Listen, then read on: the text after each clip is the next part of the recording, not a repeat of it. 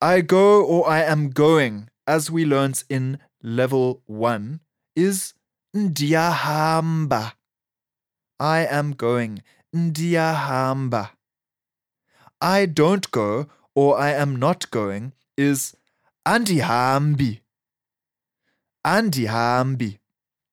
Now the basic rules are that any positive present tense verb ends with an a. You'll remember that from lesson 2. Now in the negative, the a is replaced by an i, which is the letter i, at the end, and the a moves to the front of the prefix. So the a onto the prefix i and d forms andi. The a onto the prefix u for you is either au, which is the sound you get from putting a on front of u, au, and that's with a w in between. But sometimes people will also say aku as the negative prefix for you.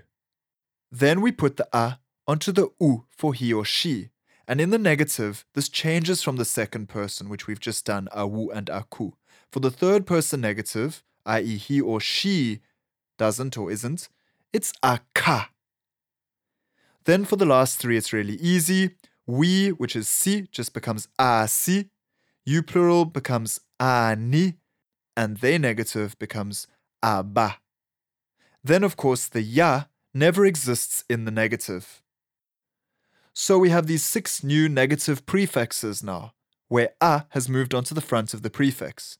They are andi, awu, aka, asi, ani, aba. So let's look at some examples. I understand. Ndiyaqonda.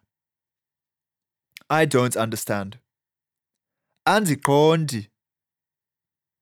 You like. Uyathanda. You don't like. Awuthandi. Or akuthandi. He is pleased. Uyavuya. He is not pleased. Akavuyi. We are listening.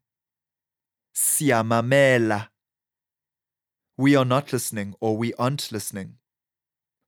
Asimameli. You guys are talking. Niyathetha. You guys aren't talking.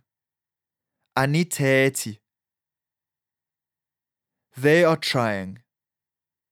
Bayazama. They are not trying. Abazame.